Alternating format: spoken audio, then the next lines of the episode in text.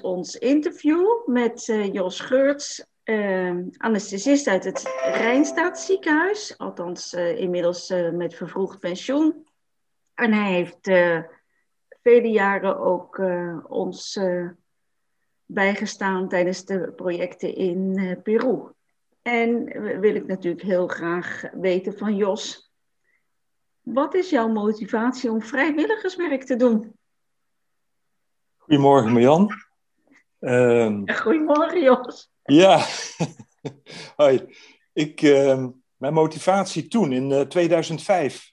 Nou nee, gewoon in het algemeen, want je had daarvoor ook al uh, vrijwilligerswerk gedaan. Ik had, ehm, eerlijk gezegd, ik, had, ehm, ik vond het gewoon spannend. En ik had niet van die hele hoge idealen, die ik altijd van anderen hoor. Maar ik, ik uh, was anesthesist hè, toen in, uh, in Rijnstaat, in Arnhem inderdaad, hè, wat je zei. En uh, ja, ik deed iedere dag hetzelfde werk. En er zat eigenlijk weinig creatiefs aan. En ik had, ehm, tevoren had ik een promotieonderzoek gedaan, een pijnbestrijding en zo. En daar kon ik mijn creativiteit wel in kwijt. Maar dit hield op toen daarna. Dat promotieonderzoek was klaar enzovoort. En toen, uh, ja, ik, ik, weet je, ik, ik verveelde me. Ik zocht eigenlijk nieuwe uitdagingen. En ik wilde, ik wilde wat afwisseling in mijn werk. En ik wilde uit mijn comfortzone. En uh, toen deed zich de kans voor, uh, meen ik, met het uh, eerste orthopedisch project van uh, PAS Hollandessa. Dat was toen met Ger Olijhoek. Ja, dat klopt, met de orthopedie. En, ja, ja. Nou, het leek me ontzettend spannend en ik had al een, beetje liefde opgevat voor Zuid-Amerika, want uh, ik had er als student nogal uh, veel uh, rondgereisd en gezworven. En, dus ik kon nog een beetje Spaans en zo, dus het was helemaal wat voor mij, ja. nou, dat, dat bleek ook wel in de praktijk, dat het echt iets voor jou was. Ja, ik had, als, als het, want toen daarna, toen, ik geloof jaren daarna, toen ging ik op een gegeven moment zelfs twee keer per jaar. Altijd samen met mijn vaste maatje Leo. Leo Brugman, als anesthesiemedewerker. En in die tijd hadden we heel veel uh, plezier, ook, uh, ook na de projecten. Ja. We, konden, we konden samen lezen en schrijven. En uh, daarna was er de kans om ook nog even wat meer kennis te maken met Peru. En, maar het mooiste, waar mijn hart lag, dat was toch wel bij de projecten zelf en uh, ook bij de medewerkers. Samen met de Peruanen uh, met één ding bezig zijn. Dat, vond ik mooi. Ja. Dan werd ik eigenlijk gewoon uh, achteraf, toen had ik dat niet zo door, maar achteraf werd ik daar eigenlijk gewoon, ehm, dat gaf heel veel voldoening. En ik werd er ook echt gewoon uh, gelukkiger van op dat moment. En dat dateerde ik, toen kwam ik thuis en dateerde ik daar weer een maand of zes op in het ziekenhuis. En dat merkte ik eigenlijk aan de anderen van het team ook. Iedereen ging gewoon blij er naartoe en kwam blij terug. En dat duurde dan een hele poos. Dus er zat een dik eigenbelang in, kan je wel zeggen. Je, kan, je, kan, je, zou, je, zou, het dus ook wel een beetje als een soort verkapte batterijoplader uh, kunnen ja. doen. Ja. ja, dat was het wel. Want het was wel zo dat, uh, dat het eigenlijk een, een, veel groter, een veel zwaardere wissel uh, op mij trok omdat het gewoon, eh, ja, als anesthesist wil je altijd een bekende, bekende omgeving. Hè? Je wil geen risico's, je wil geen gedoe, je wil zekerheid enzovoort. Maar ja, dat had ik thuis al. Dat wil hè, in, het, in, het, in het ziekenhuis, waar alles protocolair geregeld is. En ja. toen, uh, en daar moest je eigenlijk, uh, als je kwam, moest, je, uh, moest ik samen met de anesthesiemedewerker, moesten wij alles, alles, alles was er. Het was perfect geregeld. Alleen we moesten het wel nog in elkaar zetten. En er zelf aan wennen. En uh, alles testen en checken. Nieuwe omgeving, nieuwe mensen enzovoort. Maar dat, dat was gewoon hartstikke leuk. En, en ja, daar werd je heel moe van. Dus na twee weken waren we back af. Ja. Maar geestelijk waren we helemaal opgeladen. Ja, klopt. Dat mogen we natuurlijk wel graag horen. En wat, waren je, wat is nou, of wat was voor jou nou het grote verschil uh, met, zeg maar, met je gewone werk en uh, hier in Nederland en uh, het werk in, in dit geval in Peru? Ja, daar heb ik, heb ik heel vaak over nagedacht. En nou stel jij die vraag ook. En ehm, weet je wat het was hier in Nederland? Ik, ja, anesthesisten zijn wel een speciaal soort uh, dokters. Die houden wel van het acute moment. er gebeurt veel, veel actie, spanning enzovoort. En, ehm, maar na zoveel jaren werk ging dat er een beetje uit voor mij eigenlijk. En het was toen ook dat dat we in, in Nederland kregen we een enorme protocolisering. Alles moest volgens protocol. Je mocht er niet van afwijken, want dan had je een probleem. Ook al dacht je dat het, dat het andere beter was voor de patiënt. Nou ja, uh, en er was een enorme hiërarchie. Uh, je, werd eigenlijk gestuurd door management, door uh, zorgverzekeraars en door eigenlijk allerlei mensen die er ja, feitelijk inhoudelijk weinig verstand van hadden. Maar ja, dat, daar moest je het wel mee doen. En dat ontbrak in Peru. Dat was er niet. Ja, jij was er. En jij, jij liep heel veel gaten dicht en jij deed heel veel uh, zaken, waardoor wij daar zo prettig konden werken. En, uh, maar ik heb erover nagedacht. En de voldoening die ik in Nederland, zeg maar vanaf die leeftijd niet meer had, zo inderdaad medio uh, of 2005, zo rond die tijd die voldoening en dat plezier in het vak, dat vond ik eigenlijk terug door uh, met die projecten uh, van Pas Hollandessa mee te doen. En, uh, en ik kan het heel kort samenvatten, want ehm, je hebt zo'n zo'n beroemde Nederlandse dirigent. Hij was eerst violist en nu zit hij bij de ja, New bedoelt, York... ja, je bedoelt, hoe heet hij nou? Ja, Philharmonica zit, zit hij? nee, nee, ik heb toevallig laatst nog een, uh, een interview met hem uh, gezien. Want hij zit natuurlijk ook steeds maar vast, want uh, hij werkt ook in New York. Ja, ja, ja, hij dus. Ja. Hoe heet die vent ook alweer? Nou, je weet wie ik bedoel. Ja, ik weet wie je bedoelt, ja. En ehm, hij, ehm, hij, hij werd toen... Oh, oh, dat was in een programma van Witteman op, met klassiek op, op zondagavond. En toen werd hij eigenlijk in, uh, toen werd hij eigenlijk in het zonnetje gezet. Van jij bent zo beroemd en jij dit en jij dat. En jij zus en jij zo. En hij, hij gaf eigenlijk geen krimp. Mhm. Hij, hij liet het allemaal maar gebeuren. Hij was ook niet gevoelig voor de complimenten. Hè, want ja, het is natuurlijk gewoon een beroemde man. Maar hij zei uiteindelijk op het laatst, zei hij, ach ja, zegt hij, weet je. Het is, uiteindelijk gaat, er, gaat het er in het leven om niet, niet wat je allemaal krijgt maar wat je geeft. Ja. En toen dacht ik, ja, dat is het. Ja. En daarom worden wij daar zo. En daarom. En dat gevoel, dat, appelleert, dat, appelleerde, uh, dat appelleerde aan ons in Peru. Dat, dat idee van, ja, zonder uh, betaling enzovoort, zonder beloning gewoon werken. En uh, ja, iets weggeven aan anderen. Ja, en ik denk dat, dat, dat ik daar heel gelukkig van word. Dat was het eigenlijk. Ja, nou, ik denk dat, uh, uh, ja, ik denk dat je daar ook uh, gelijk in hebt. Ik ben onderwijl ben ik die, die, die violist aan het opzoeken. Ik, ik kan het honderd keer zeggen, want ik zag toevallig een paar weken geleden, want hij werd 60 namelijk. En toen ja. hadden ze ehm, toen hadden ze een, een, een bij, hoe heet die, bij Witteman, hadden ze een, ja, zetten ze hem daar ook in het zonnetje en speelde zijn vader nog op de piano. Dus dat was ook wel heel bijzonder. Maar hoe heet die man nou? Ja. Denk ik al. En hij heeft een autistische zoon. Dat weet ik ook. Ja. Ja. Nou. Ja. ja. Van Zweden. Ja, ja, van, ja Zweden. van Zweden, ja. ja. Daar is hij. Ja, hij heeft helemaal gelijk. Ja, van Zweden. Ja. Hij, hij zei dat en dat vond ik eigenlijk, had ik helemaal niet uit zijn mond verwacht. Toen dacht ik, ja, dat is het precies. Je zegt het in één zin, in een paar woorden. Ja, nou, hij heeft gelijk, vind ik. Ja. ja.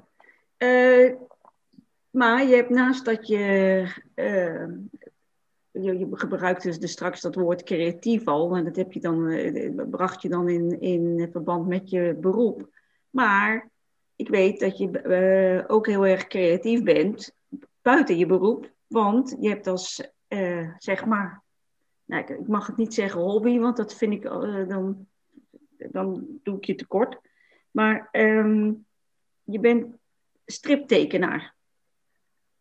En ja, ik heb het mezelf geleerd. Ja, ja oké. Okay. Nou, dat ja. geeft niet, maar uh, dat, dat, dat, wilde ik helemaal niet vragen. Ik, ik was heel erg benieuwd uh, van... Uh, ben je al heel, heel je leven lang geïnteresseerd in stripboeken? Um, heb je strips verzameld, bijvoorbeeld? Nou, om je eerlijk de waarheid te zeggen, tot, tot een jaar of acht geleden of zoiets, uh, interesseerde strips me helemaal niks. Oh. En uh, nou, dat is niet helemaal waar. Ik, ik, uh, mijn, mijn stiefvader, die uh, gaf mij toen ik als kind, gaf hij mij strips te lezen van, van Kuifje. Want dat vond hij zelf zo geweldig. voor de rest mocht, mocht ik geen strips, want dat was allemaal, dat was allemaal proleterig en dat was allemaal, dat, dat was eigenlijk, nee, een goede, er ging niks boven goede boeken. Maar die strips van Kuifje, daar maakte hij een uitzondering uh, voor. Dat vond hij zelf mooi. Ja. En, uh, nee, maar ik heb, ik, heb wel, ik heb wel vrij veel getekend. Eh, ik had een opa, die was kunstschilder. Ik heb ook geschilderd. Ik heb geëtst. Ik heb al dat soort, uh, al dat soort dingen wel gedaan. al, al heel lang. Ja. Maar ik... nou, wat er eigenlijk gebeurde was dat ik in aanraking kwam... Ja, ook omstreeks diezelfde tijd dat ik Nee, dat is niet waar. Ja, 2007 of 2008 of zoiets. 2010, dat weet ik niet meer precies. Toevallig een aanraking kwam met het werk van uh, de striptekenaar Cosé, een Zwitser. Oh, ja, ja. Ja. En uh, Bernard Cosé. En uh, weet je wat het is? In Nederland zijn strips, worden niet serieus genomen. Hè? En het is altijd voor kinderen. Het zijn dan ook hele kinderachtige strips die je hier te lezen krijgt en gags en, en een beetje zo van dat, uh, van dat één, één plaatjes, uh, grapjes, gedoe, cartoons. En, maar een, een echte volwassen strip, dat, dat vind je alleen in, uh, in Zwitserland, Frankrijk, nou ja, Amerika. Maar Amerika is dat meer Superman, dat gebeuren, daar hou ik niet zo van. Mm um, maar Cosé vond ik geweldig. En uh, dat is meer een soort volwassen strip. Niet al, ja, eigenlijk geen geweld, uh, meer psychologisch. En uh, zo zijn er nog een paar. Hè, uh, hoe heet die man ook weer uit uh, Comes, uit, uit België. Dus, maar rond die tijd, ik vond het geweldig. En op een gegeven moment had ik al die strips had ik, had ik van Cosé had ik gelezen. Want hij doet er twee jaar over om, om een verhaal te tekenen. En toen zat ik maar te trappelen tot er weer een nieuwe strip zou uitkomen van hem. En dan ging ik naar zo'n stripwinkeltje hier in de stad. En dan kocht ik strips die erop leken. En dan kwam ik thuis. En dan was het eigenlijk weggegooid geld. Ik vond, ik vond er eigenlijk niks aan. Dus, toen, dus ondertussen had ik heel wat strips gekocht. Maar ik had er weinig plezier van. En toen dacht ik van... Ja, weet je wat? Ik ga gewoon zelf een strip tekenen. Ja. En uh, het, het, het, de inspiratie had ik wel uit, uit Peru, zeg maar. Of uit Zuid-Amerika. En ik had natuurlijk veel boeken gelezen van uh, Garcia Marquez en Vargas Llosa en zo. Hmm. Hè? Dus dat, dat zijn toch wel niet uh, gereformeerde Nederlandse broodnuchtere boeken, maar er zit veel, uh, ja, daar zit veel buiten natuur, bovennatuurlijks bij. Mm-hmm. En dat trok me wel. Dus zo, zo is het eigenlijk gegaan met. Uh, ja, en het andere was, zoals ik al zei, ik verveelde me nogal op mijn werk. En ik deed wel mijn ding hoor. Ik deed allemaal netjes en braaf, maar er zat, er zat geen creativiteit meer in, in dat werk van mij. Het ging puur om productie, geld verdienen, uh, vergaderen. Maar het creatieve was er eigenlijk vanaf. Dat was eigenlijk, dat was eigenlijk weg met die nieuwe ontwikkelingen. En dat miste ik. Dus begon ik thuis begon ik dan te tekenen, begon ik scenario's te schrijven. En uh, ja, uiteindelijk dacht ik van, nou, weet je wat, ik stop nog eerder met werken. Ik had toch al het idee van zo'n zo'n baan, dat moet je tot je vijftigste doen en dan moet je gewoon iets anders gaan doen, want dan is het niet leuk meer. Maar ja, waar dat vandaan komt, weet ik ook niet. Maar toen dacht ik, weet je wat, in, in Zwolle of zo, daar was een stripopleiding. En ik was nog zo naïef om te geloven dat ze daar een vent van uh, tegen de 50 zouden aannemen. Nou, dat, is, dat, dat, was niet zo. Dus ik heb uiteindelijk heb ik het uh, zelf uh, cursussen gezocht, cursussen scenario schrijven gedaan in Amsterdam bij een filmproducent. Frank Herrebout, ontzettend aardige vent, heel veel van geleerd. Ik heb ehm, geleerd om dialogen te schrijven. Ehm, dus scenario, dialogen. Toen moest ik nog uh, eigenlijk uh, ja, mijn tekenen beter, verbeteren. Daar heb ik ook les in gehad. En uh, kende hier in Arnhem een paar striptekenaren. Die hebben me ook aardig op dreef geholpen.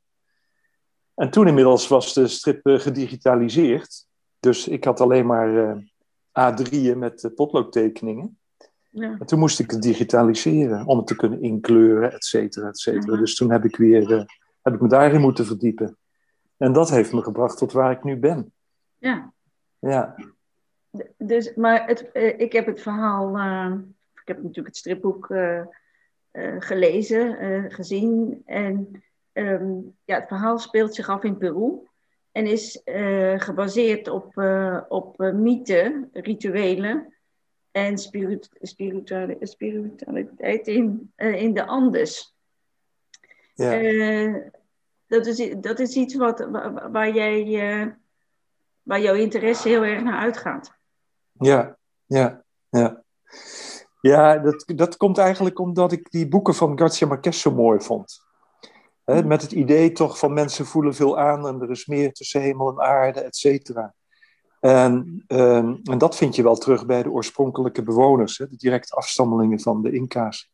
Dat zijn de Queros-Indianen. En daar, ja, daar heerst natuurlijk het shamanisme. Mm En uh, ja, daar, daar, is, daar wordt, daar, mensen daar, dat zijn, dat zijn, of dat waren, steeds minder helaas, maar dat zijn natuurvolkeren. En ze leven bij de natuur en in de natuur. En, ze moeten dus respect hebben voor de natuur. Hè? En dat staat haaks op hoe wij leven.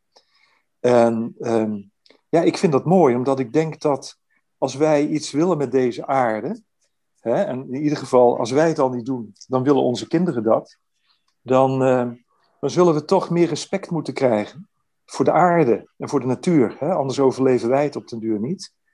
En uh, ik wist niet uh, toen, toen ik aan begon dat dat soort zaken nog zo actueel zouden worden. Maar ik denk dus dat we heel veel kunnen leren van de oorspronkelijke bewoners. Ja, eigenlijk niet alleen in Zuid-Amerika hoor, of, uh, maar ook in Midden-Amerika, de Maya's, in Australië.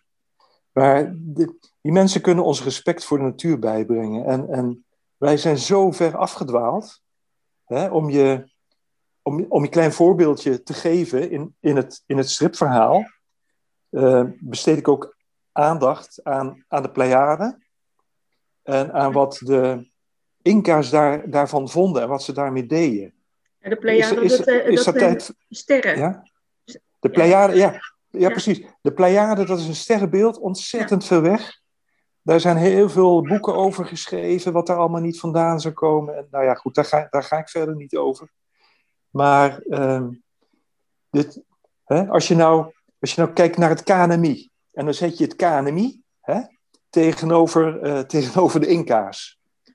En als je dat maar consequent doet, dan kom je er eigenlijk achter dat het KNMI er nu pas achter komt, wat de Inca's 400 jaar geleden al wisten. En dat het KNMI nog steeds, laten we zeggen tot een jaar of tien, niet geloofde of, of, of niet kon bewijzen dat er sprake was van een klimaatverandering.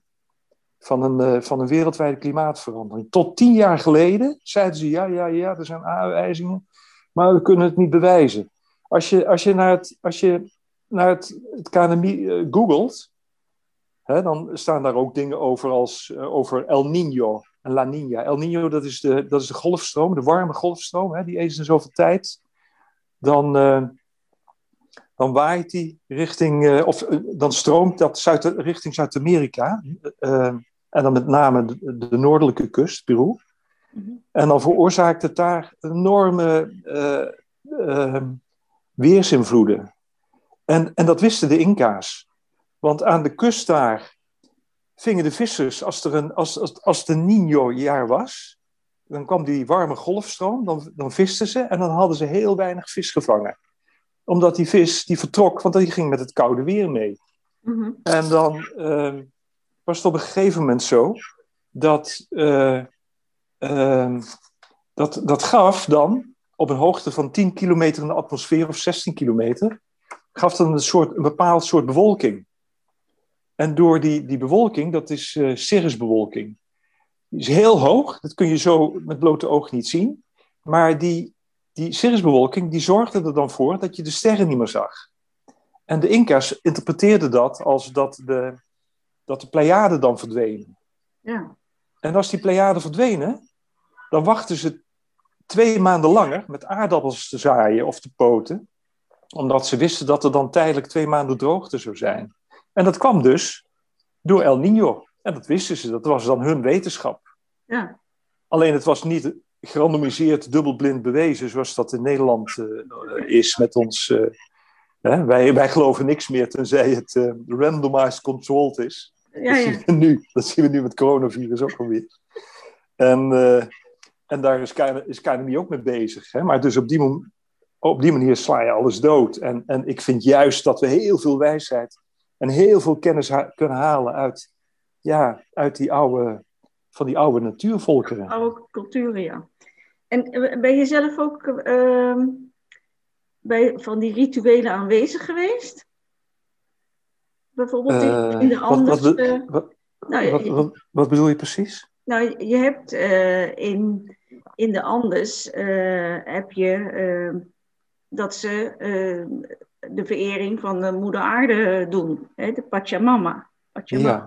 Ja, ja. En dan gaan ze zo'n berg uh, op en daar brengen ze dan offers. Uh, ben je daar wel eens. Uh, nou, ik moet je heel eerlijk zeggen, nee. Ik ben uh, het festival van Coyoriti. Dat, daar gaat dat. dat is een, een, een festival aan, uh, bij de berg Ausangate onder uh, Cusco. Ja. En dat is, jaarlijks zijn er heel veel rituelen en offers en worden daar de, de bergen en, en, de, en moeder aarde worden daar vereerd. Daar wilde ik al jaren naartoe. Al jaren. En elk jaar komt er iets tussen. Oh. En ehm, dat is... Ehm, ja, daar gebeurt het eigenlijk. Daar kan je kennis maken met heel veel rituelen zoals ze uh, in, in mijn boek beschreven worden. Ik heb me er wel in verdiept. Ja. Ja, om heel eerlijk te zijn, ik heb wel eens een keer een, uh, een uh, ayahuasca-sessie meegemaakt. Ik weet niet of dat je wat zegt. Ja, jawel, dat is met die thee toch? En dat, met dat spul uit die boom ja. waar vreselijk Ja. misselijk van gaat worden. En dan drie Dat dagen... hal, hal, hallucinogeen, ja, ja, ja. Juist, Ken je ja. dat? Heb je het ook wel eens gedaan of niet? Nee, nee, nee, want ik hou niet Nee. van thee. je drinkt alleen pickwick thee. Nee. Ook niet. Nee, nee, maar, maar dat is eigenlijk meer een, een, eh, toch een, dat is meer een ritueel uit de jungle. Ja, dat klopt. Ja, nee, daar heb je helemaal gelijk in. Dat, dat klopt. Dat wordt in de jungle gedaan. Dat heb ik wel een keer gedaan. Dat was heel indrukwekkend. Ook enorm heftig. Ja, Maar, eh, en dan worden, dan worden ook de Pachamama en ook de offertjes gebracht en al die dingen meer. Dat, dat klopt. Ja, ja, dat klopt, ja. Maar ik ben niet eh, zelf eh, bij dat zit. Verder ben ik eh, niet aanra- nog niet in aanraking geweest met dat soort rituelen. het staat wel op het programma dus. Ja, ik moet voor, voor deel 2 van dit boek, want deel, deel 1 is helemaal klaar. Hè? Dat, Ja. Maar voor deel 2, eh, daarvoor moet ik, vind ik natuurlijk toch een keer daar ter plekke zijn geweest. Ja, dat, En, ja, ja, dat absoluut, goed, absoluut. Dus dat gaat gebeuren. Ja, samen met een bezoek aan Pas in Arequipa, Oh, hopelijk. Oh, dat- Ja, ja. Nou ja, dat, is altijd, je bent altijd welkom Ja. natuurlijk. ja. Maar kun je in het kort vertellen waar eh, het stripboek over gaat? ja het is, eh, nou laat ik maar zo zeggen, het is niet autobiografisch. Nee. Maar het is wel zo dat er een anesthesist in voorkomt als hoofdpersoon, Alex. En die ontmoet een eh, indigeno, of in- indigena. Eh, hè, een eh, inheemse, eh, Indiaanse, van kom af. Hè, ik geloof dat je dat woord niet meer mag gebruiken. Die ontmoeten elkaar in Cusco. En die worden verliefd op elkaar en die trouwen. En zij wordt zwanger. En ehm, nou ja, zij heeft weinig vertrouwen in de westerse geneeskunde.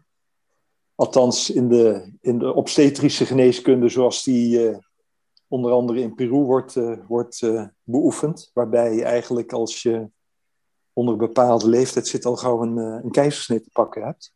Ja. En, ehm, en zij gaat naar haar ouders. Want haar moeder, dat is een shamane. En uh, die heeft verstand van kruiden en ook uh, veel bevallingen gedaan. Een soort uh, verloskundige zou je kunnen zeggen. Zeg maar toen, toen de verloskunde hier, de huisbevalling, thuisbevalling nog niet was uitgevonden hier in Nederland. Toen deed ze dat broer al wel natuurlijk en vele andere landen. En daar gaat ze naartoe. En na die bevalling wil ze terug met haar dochtertje naar Alex in, in Cusco. Maar het, uh, het vliegtuig, een hele oude bak, uh, vooroorlogstoestel, dat, uh, dat verdwijnt van de radar. En, en, daar moet Alex dan op een gegeven moment vanuit Cusco mee, mee zien te dealen. Vrouw en kind weg. Hij daar. En ja, en wat nu? Dus hij organiseert een, een, zoekactie en hij gaat op zoek. En hij gaat daar de bergen in. En hij komt in aanraking met allerlei gebruiken. Hij wordt, uh, uh, ja, eigenlijk, hij, hij, is, hij is een, een westerse anesthesist. Hè? Dus hij is, het is een Nederlander. Hij is ook opgeleid door een bekende professor hier in Utrecht. Die is overleden. Die schreef in de Telegraaf. Ja, nee. En, ja, en, Onze Bob. Dus hij is wel, ja, hij is wel gewend, ja, hij is wel gewend aan wetenschap. En, uh, dus uh, alles wat hij niet ziet, uh, dat bestaat niet. Maar ja, helaas ziet hij dingen waarvan hij niet dacht dat hij ze zou zien, die dan toch blijken wel te bestaan. En zo komt er een mix tot stand en zo langzaamaan wordt hij ingewijd in de geheimen, zeg maar, van, ja, van Zuid-Amerika, zou je kunnen zeggen. Ja, en op datzelfde moment is er nog een parallel verhaal waarbij uh, een, een, een, een Queros-meisje daar in de bergen een relatie aangaat met, een, met haar vriend. Ja, ik zal niet te veel verklappen, want anders weet iedereen het al. En de verhalen van die vier levens, of vijf levens, of, hè, van Alex en, en, en zijn verdwenen vrouw en zijn kind en deze mensen, dat verstrengelt zich. En eh, wat eigenlijk eerst een uitzichtloze situatie is, dat leidt dan volgens mij toch tot een hele verrassende ontknoping. En uh, ja, dat is, dat, is, dat is in korte lijnen waar het verhaal over gaat. Nou, het klinkt uh, heel spannend in ieder geval. nu is natuurlijk de bedoeling ook om deze, dit stripverhaal dit deel 1, want je hebt al verklapt, er komt ook een deel 2. Ja. Om dat te gaan uitgeven. En nou heb jij, wij, wij, kennen elkaar natuurlijk al heel lang, dus we hebben het er natuurlijk ook, ook over gehad. Wil jij een deel van de opbrengsten ten gunste van uh, Passalandessa laten komen?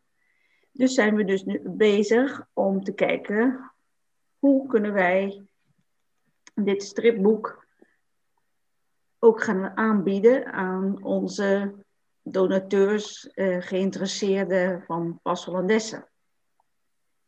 En, ja. het, en het idee is dus uh, om uh, een gelimiteerde voor, voorinschrijving, een gelimiteerde uh, oplage met een harde kaft en daarin een tekening van, eh, vanuit, het, uh, vanuit het stripboek en gesigneerd door jou. Ja. ja. Dat is de bedoeling. Ja. Ik, uh, ik, ik zou eh, zeggen van. Ik, ik hoop dat zoveel mogelijk mensen uh, belangeloos aan, aan meewerken, zodat we een zo groot mogelijke opbrengst hebben ten bate van met name de schietsisprojecten van Pas Hollandesse. Want hè, dus uh, ja, schietses, dan zeg ik het goed. Hè? Dat begrijpt denk ik iedereen, hè? wat ik daarmee bedoel. De... Ja, schietses, dat, dat is uh, uh, wat vroeger de hazenlip was. Ja, maar, ja. eh, maar nu is schiezes, is, is, nou mag je alleen nog maar schiezes zeggen. En schiezes omvat het hele, het hele eh, of dat je nu een, een, een, kleine lipspleet hebt, of je hebt een grote lipspleet, of je hebt ook een open gehemelte. Dat valt allemaal onder dat uh, hoofdstuk, zullen we maar zeggen. Oké. Nou, kijk, het, het, het zit zo. Misschien moet ik dat toch misschien nog heel even zeggen. Ja. In, in het, uh, in het uh, stripverhaal is, een, uh, is er in deel 1 en deel 2 samen een belangrijke rol weggelegd voor, voor Schietsis. Het is zelfs onderdeel van, van de plot eigenlijk. En uh, verder wil ik er niet te veel over verklappen, nogmaals. Maar uh, het is ook zo dat er op een gegeven moment ook uh, een, een, een, op een in een bepaalde fase, een bepaald hoofdstuk, gaat er ook een team mee. Dat gaat ook daadwerkelijk opereren. Je ziet ook hoe zo'n operatie gaat. En ehm, dus ja, wat is er eigenlijk logischer dan om inderdaad te zeggen van laten we, laten we zoveel mogelijk exemplaren verkopen. En laten we eigenlijk zoveel mogelijk geld aan Pas Hollandessen laten gaan. Dat wil dus zeggen, ik werk er eigenlijk gewoon belangeloos aan mee. Ik doneer het verhaal aan, aan Pas, bij wijze van spreken. En ik hoop dat we de andere overige kosten zo laag mogelijk kunnen houden.